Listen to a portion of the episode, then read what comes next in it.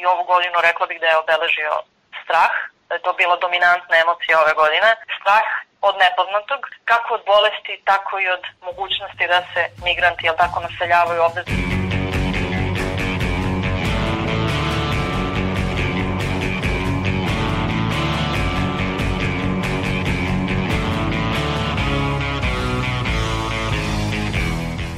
Slušate podcast Reagu i nezavisnog društva novinara Vojvodine. Moje ime je Iva Gajić, a na podcastu rade i Aleksandra Bučko, Sanja Đorđević, Irina Čučković i Nemanja Stevanović.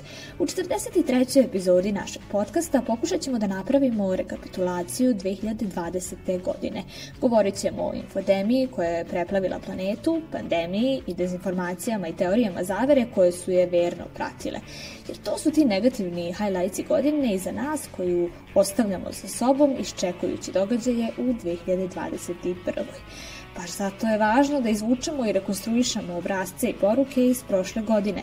Saška, kako bi je ti sumirala? Ivan, moraš priznati 2020. godinu je teško sumirati. Ali probala sam to da uradim baš kroz naš podcast i spremila prilog koji je sastavljen od delova prethodnih epizoda. Poslušajte kako je 2020. godina zvučala pomoću reči redakcije podcasta Reaguj. Dobro jutro, dobar dan i dobroveče. Slušate podcast pod nazivom Reaguj, nezavisnog društva novinara Vojvodine.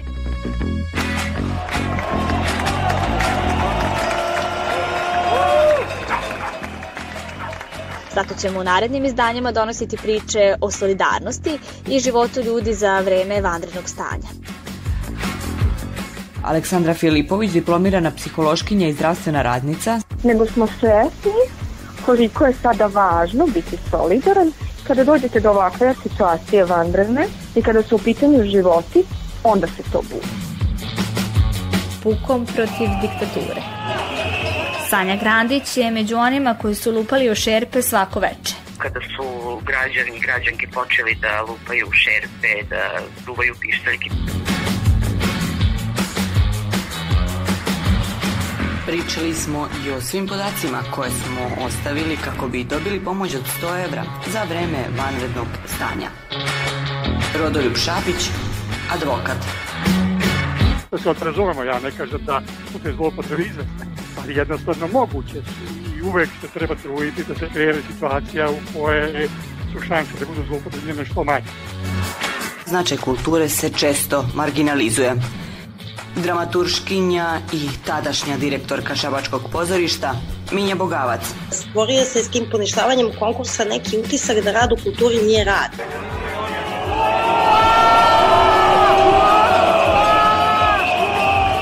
Razgovarala sam sa novinarkom N1, Jelenom Zorić, koja je prva bila na protestima. Da li je policija kršila prava građana? Ja bih e, voljela da na to pitanje odgovori tužilaštvo i da na to pitanje odgovori zaštitni građana i te nadležne institucije.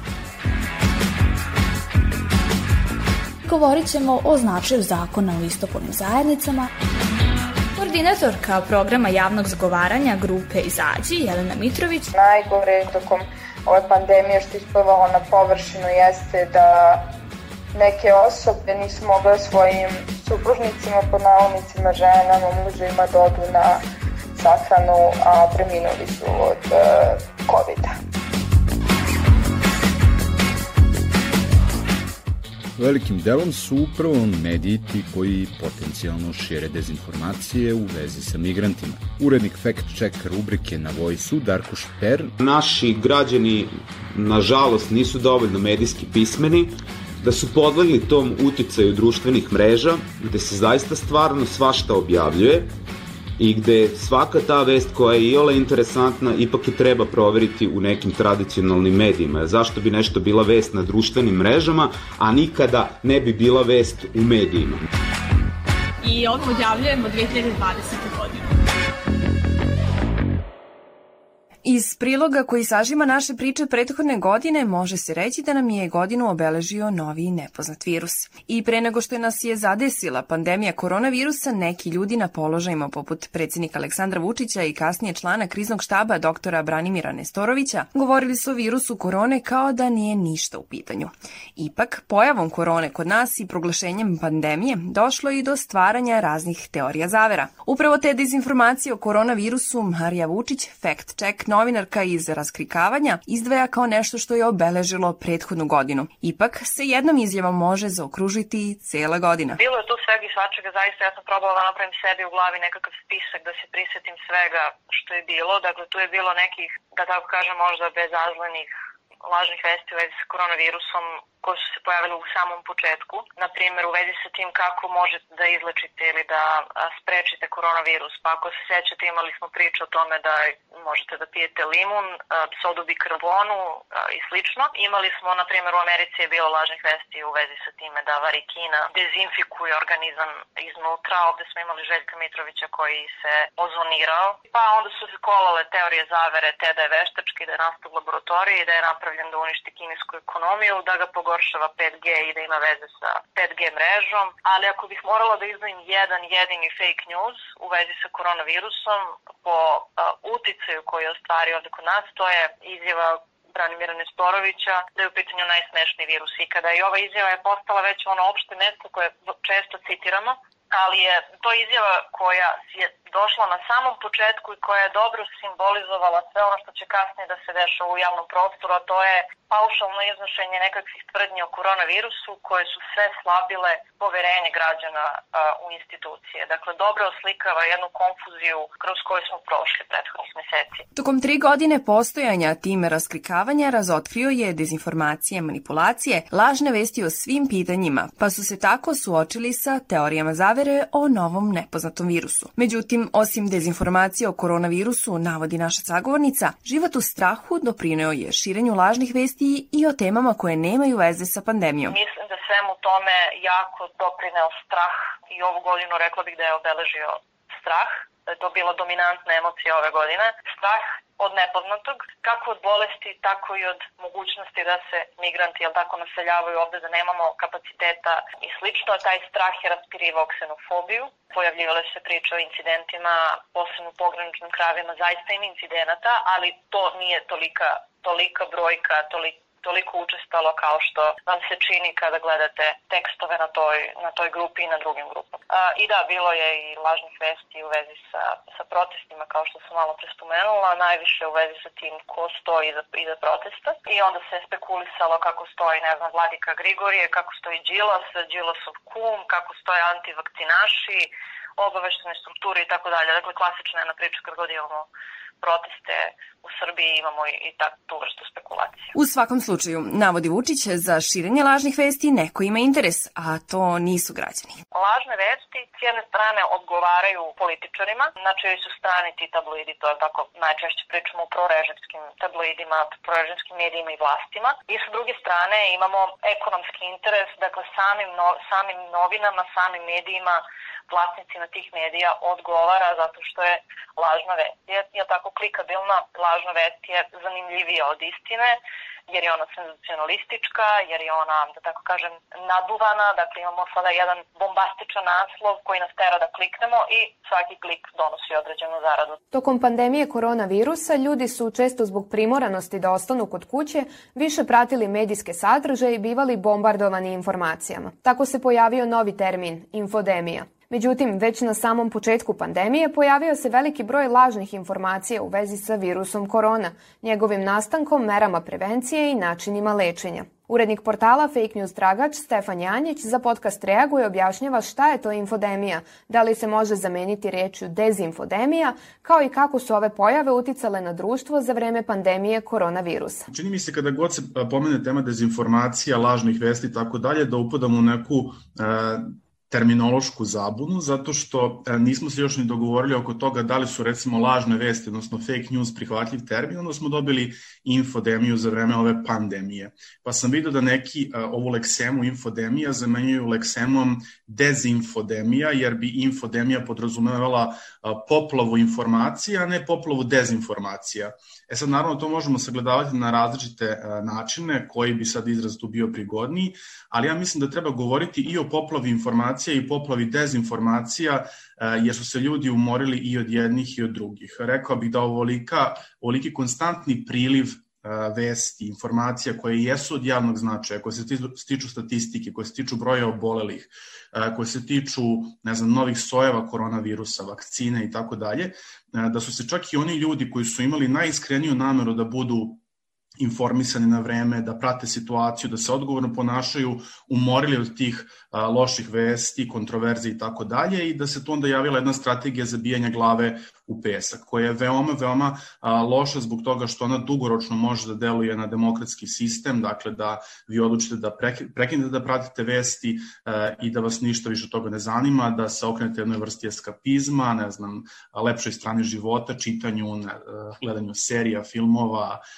vežbanju, druženju sa prijateljima i tako dalje, da potpuno zanemarite informacije koje utiču na vaš život. Janić naglašava da uprkos trudu određenih redakcija u Srbiji razotkrivene lažne vesti često su manje vidljive od prvobitnih informacija. Kako kaže, ove redakcije nemaju veliki domet kao što to imaju mediji koji šire lažne vesti na prvom mestu. Ono čime se ja bavim jesu dezinformacije, time se naravno bavila i redakcija fake news tragača, ali redakcija Vojsa, redakcija raskrikavanja, France Pressa u Srbiji, Istinomera i tako dalje. Imamo nekoliko redakcija koje su bile angažovane na ovom polju ali ja bih rekao da je ključni problem u tome što nijedan od naših portala nema taj domet koji imaju glavni manipulatori, odnosno glavni izvori dezinformacija. Kada mi objavimo dekonstrukciju neke od ovih analiza, ona po pravilu nikada ne bude onoliko vidljiva koliko je vidljiva izvorna dezinformacija.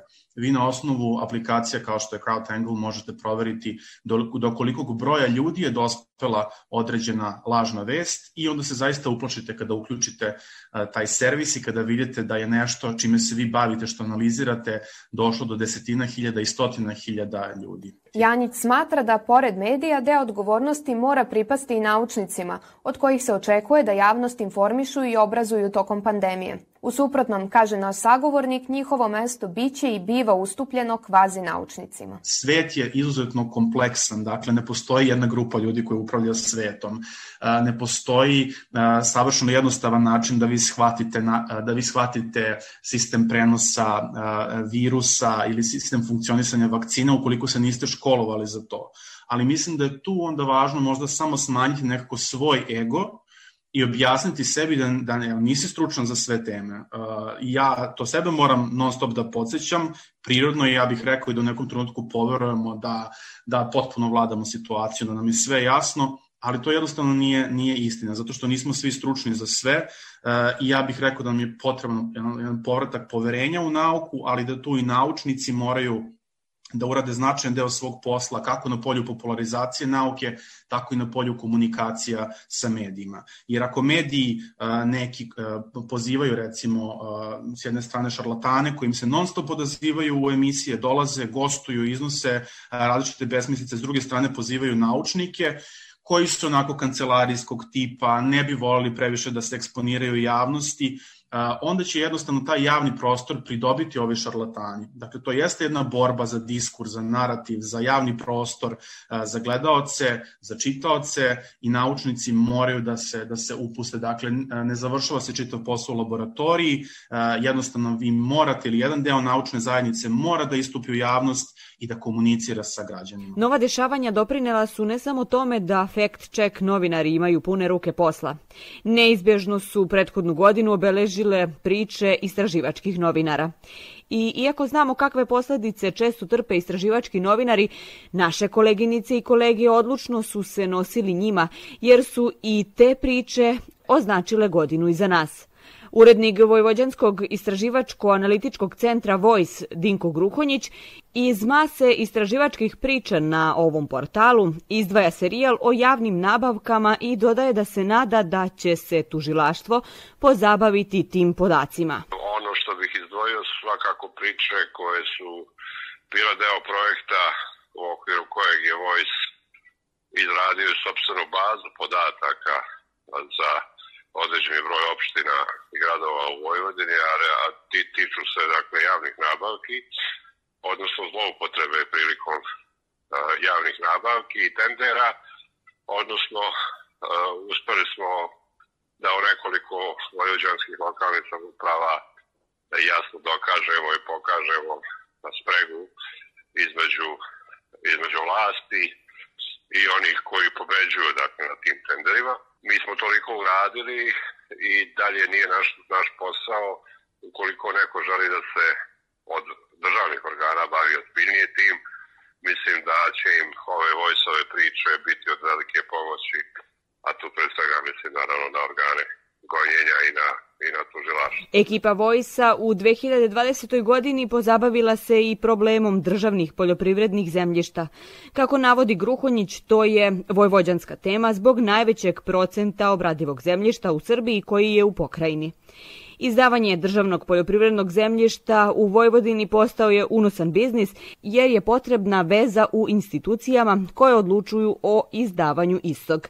Gruhonjić navodi da je Vojs istraživanjem došao do podataka da su se neki ljudi na taj način obogatili više nego nekadašnja porodica Dunđerski. I nekako mimo očiju javnosti ovde su se stvorili novi kapitalisti, ja bih čak rekao latifundisti, čija imanja i imovina daleko, daleko prelaze ono što, što nekad imala čuvena, recimo, porodica Dunđerski, koja se i danas u Vojvodini pominje, kad želite da kažete da je neko jako bogat. E pa Dunđerski su u poređenju sa ovim današnjim Dunđerskima zapravo najobičaja sirotinja.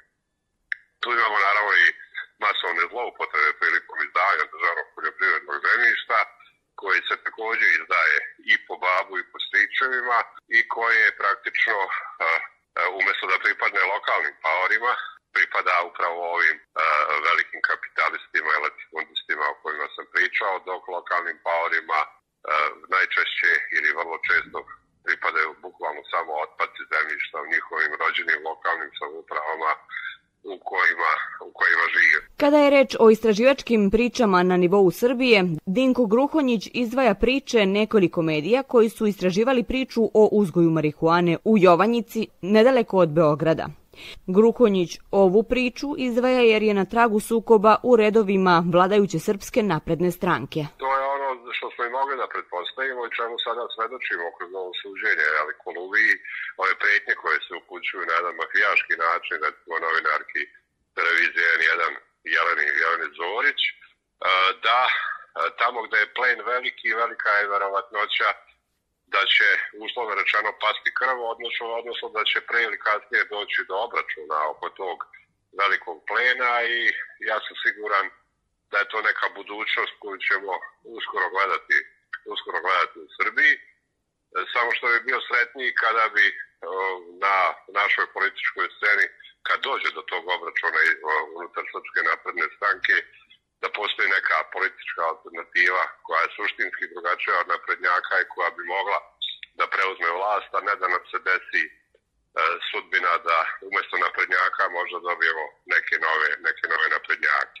Ta Jovanjica je zapravo nešto što bih izdvojio, jer nažalost u Srbiji istraživački novinari tokom godine otkriju masu što većih, što manjih afera, ali to ne dobije e, e, sudski epilog najčešće ne dobije ni tužilački progon, tako da, ali mi se čini da je ova Jovanjica ipak malo, malo načela i e, razgolitila na prednjačko car. Prošlu 2020. godinu pamtit ćemo i po zaista neobičnim izborima.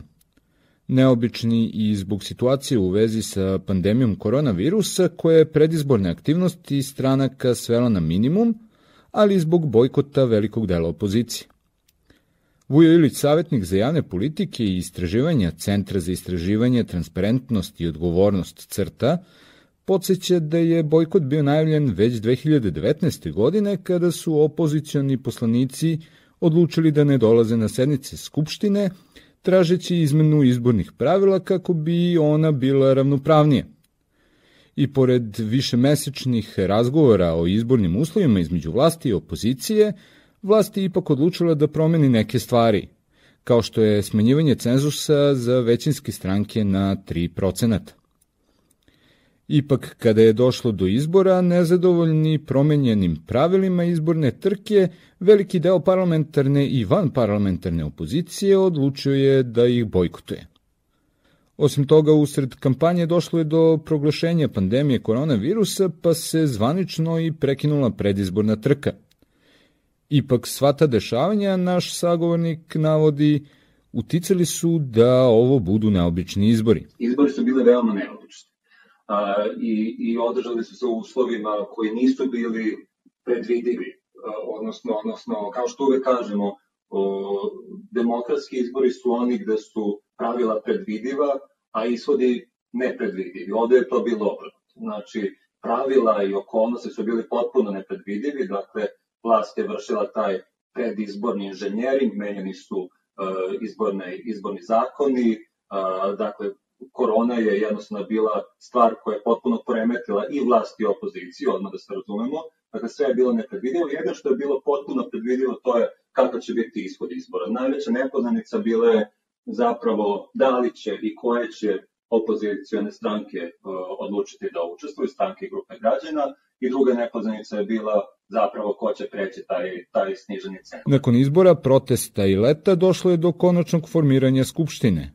a onda se čekalo dosta dugo na formiranje nove vlade. Razlog zbog kog se čekalo toliko dugo da se formira vlada jeste bilo uh, vrlo, vrlo teško da se zapravo objasni i opravda zbog čega se to radi. Mislim da je glavni, glavni argument koji se, ja mislim, potezao jeste upravo zbog toga što može tako da se radi. Ja mislim da, da pre da nije bio to slučaj koliko je zapravo trebalo doneti neke odluke upravo tome kako će se pristupiti ovom sledećem uh, parlamentarnom sazivu u ovoj vladi, ko će biti ljudi koji će voditi resore, uh, dakle, trebalo je da se obavi taj posao koji urađe dakle, u Vašingtonu i, i na kraju krajeva stvari su bile dosta kompleksnije zbog, zbog same korone. Ja ne mislim da je bilo dobro što se toliko čekalo, ali, ali opet mislim da je postalo dosta razloga zbog čega je vladića stranka toliko otezala sa tim.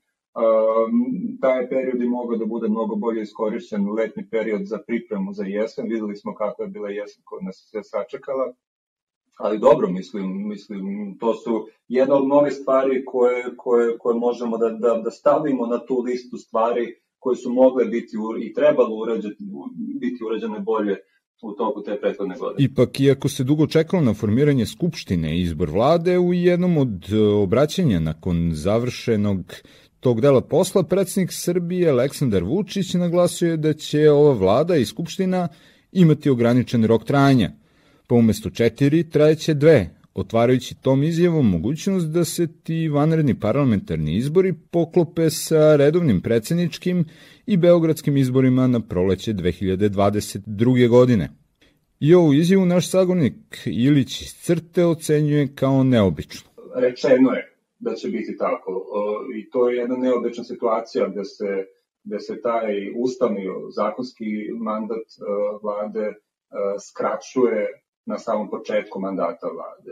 To je nije baš uobičajeno. Ja mislim da se time e, priznala od strane vladajuće stranke da, da, da ta skupština i ta vlada nema pun legitimitet zapravo. Kraj godine, nažalost, obeležili su napadi na naše kolege, novinare i novinarke. Kako smo u prethodnoj epizodi podcasta Reaguj napomenuli, bilo je oko 47 samoverbalnih pretnji u 2020. godini, pod koje spadaju i dezinformacije ili napadi na osnovu dezinformacija. Ovo je najveći broj napada u poslednjih 12 godina, a najmanje napada bilo je 2009. godine.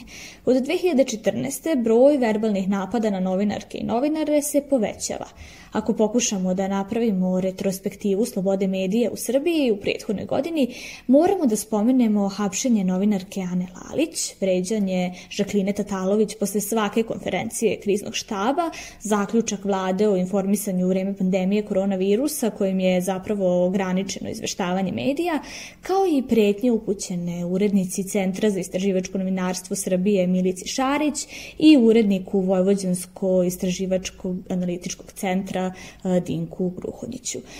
Potpredsednica Nezavisnog društva novinara Vojvodine Maja Leđenac kaže da vlast nije olakšavala posao novinarima koji tokom pandemije moraju da izveštavaju još odgovornije nego inače. 2020. godina je bila svakako teška. Ne samo novinarima, već i svim drugim ljudima a, a u našoj profesiji posebno moramo uzeti, a, uzeti u obzir težinu a, te situacije koje je donela pandemija, a, gde smo mi kao novinari zapravo osetili jako veliku odgovornost da, da uz, uz pomoć svog posla ljude, ljude informišemo na najbolji mogući način, pošto smo znali da su svi u panici, da su svi uplašeni i tako dalje. Međutim, ono što se dogodilo je zapravo potpuno suprotno na samom početku recimo ajde da, tako da, da, da kažemo na samom početku tog policijskog časa i svih tih probitnih mera koje je vlada Srbije donela, novinari su odmah počeli da se suočavaju sa, sa neverovatnim pritiscima.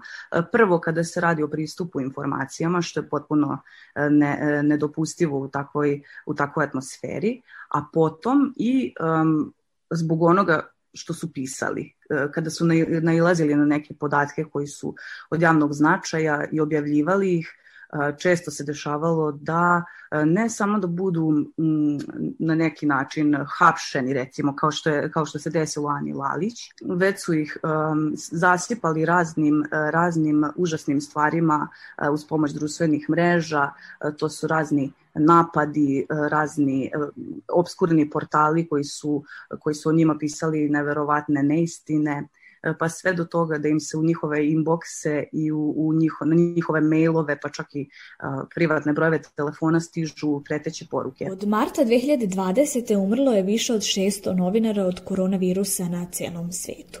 Ali nije samo virus taj koji ugrožava pravično i objektivno informisanje, jer u svetu je tokom 2020. godine ubijeno 50 novinara, a većina njih ubijeni su u zemljama koje nisu u ratu, objavila je u godišnjem izveštaju organizacija Reporteri bez granica. U zemljama koje nisu u ratu ubijena su 34 novinara, piše u izveštaju za period od 1. januara do 15. decembra 2020. godine. Kao i ranijih godina, za novinare je najopasnije bilo istraživačko novinarstvo i pisanje o korupciji i organizovanom kriminalu. Dodaje se međutim i da je zbog pandemije znatno manji broj novinara izveštavalo sa terena nego ranijih godina. 387 novinara bilo je zatvoreno u 2020. a reporteri bez granica ocenjuju da je reč o istorijski visokom broju. Maja Leđenac naglašava da je u ovakvim trenucima neophodno da građani pokažu solidarnost, ali da oni nisu svesni da informacije koje im novinari pružaju mogu da budu njihovo oružje. Leđenac smatra da novinare nije lako učutkati, bez obzira na sve napore vlada širom sveta. To što je vlast uplašena znači da su novinari na pravom putu. Ono što mene u stvari često navodi na razmišljanje jeste upravo ta, ta silovita reakcija vlasti, raznih vlasti, na, na izveštavanja novinara. Često ih gledam kako se kako su pre, na neki način prestravljeni, kako pokušavaju da se odbrane, da se odbrane od svih tih napada, um, kako pokušavaju se to da pre, pretvore u, u neku demagogiju, uh, odnosno da diskredituju novinare kao ličnosti kako bi informacije koje, e, koje dolaze od njih e, zapravo e, bile ignorisane na neki način. I to nam govori svaki put kada vidimo takvu reakciju, to nam govori da su novinari i dalje na, na pravom putu i da ne odustaju. Da je teško raditi danas, jeste, um, ali um, i dalje postoje ljudi i organizacije koje se trude da uh, pomognu uh, novinarima, da im pruže logistiku uh, i da se ta novinarska reč ne ugasi. A šta očekivati od 2021. godine? Maja Leđenac kaže da Nezavisno društvo novinara Vojvodine, bez obzira na sva dešavanja u 2020. godini, u novu ulazi sa puno optimizma i nade. Na svakom početku godine uh, smo uvek uh, i kao nezavisno društvo i lično svako od nas puni, puni nade da, da jednostavno stvari ne mogu više ići na gore. E, da će stvari početi da se razvijaju u boljem pravcu, da nećemo imati e, recimo ovako užasne napade. Mislim, me, meni lično to e, jako strašno kada recimo kada ti vinovnici napada dođu vam ispred vrata kao što se to dogodilo našem kolegi i programskom direktoru nezavisnog društva Dinku Gruhonjiću, gde su njegova deca praktično ujutru morala da prolaze pored gnusnih grafita koje su napisani protiv njega. 2021. godina na početku, već na samom početku ne deluje obećavajuća. Čekaju nas ogromni, ogromne priče koje treba da, da budu objavljene.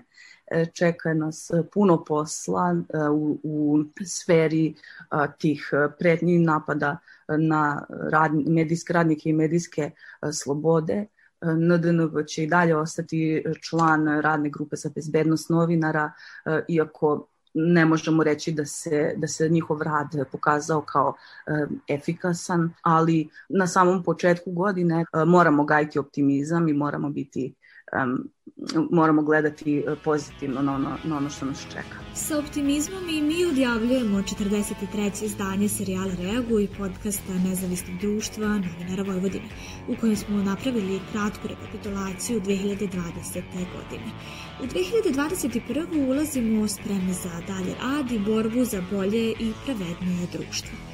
Podarite ovo izdanje na socijalnim mrežama, na Facebooku, Twitteru i Instagramu, a mi čekamo vaše komentare, ideje i predloge tema i to na adresi podcast.ndnv.org. Naš rad možete pratiti na kanalima na iTunesu, Stitcheru, Castboxu, Sounderu, Google podcastima, kao i na sajtu podcast.rs. Ukoliko želite da nas podržite, uradite to baš šerovanjem, komentarom, deljenjem svoje priče ili preko sajta donations.ndnv.org.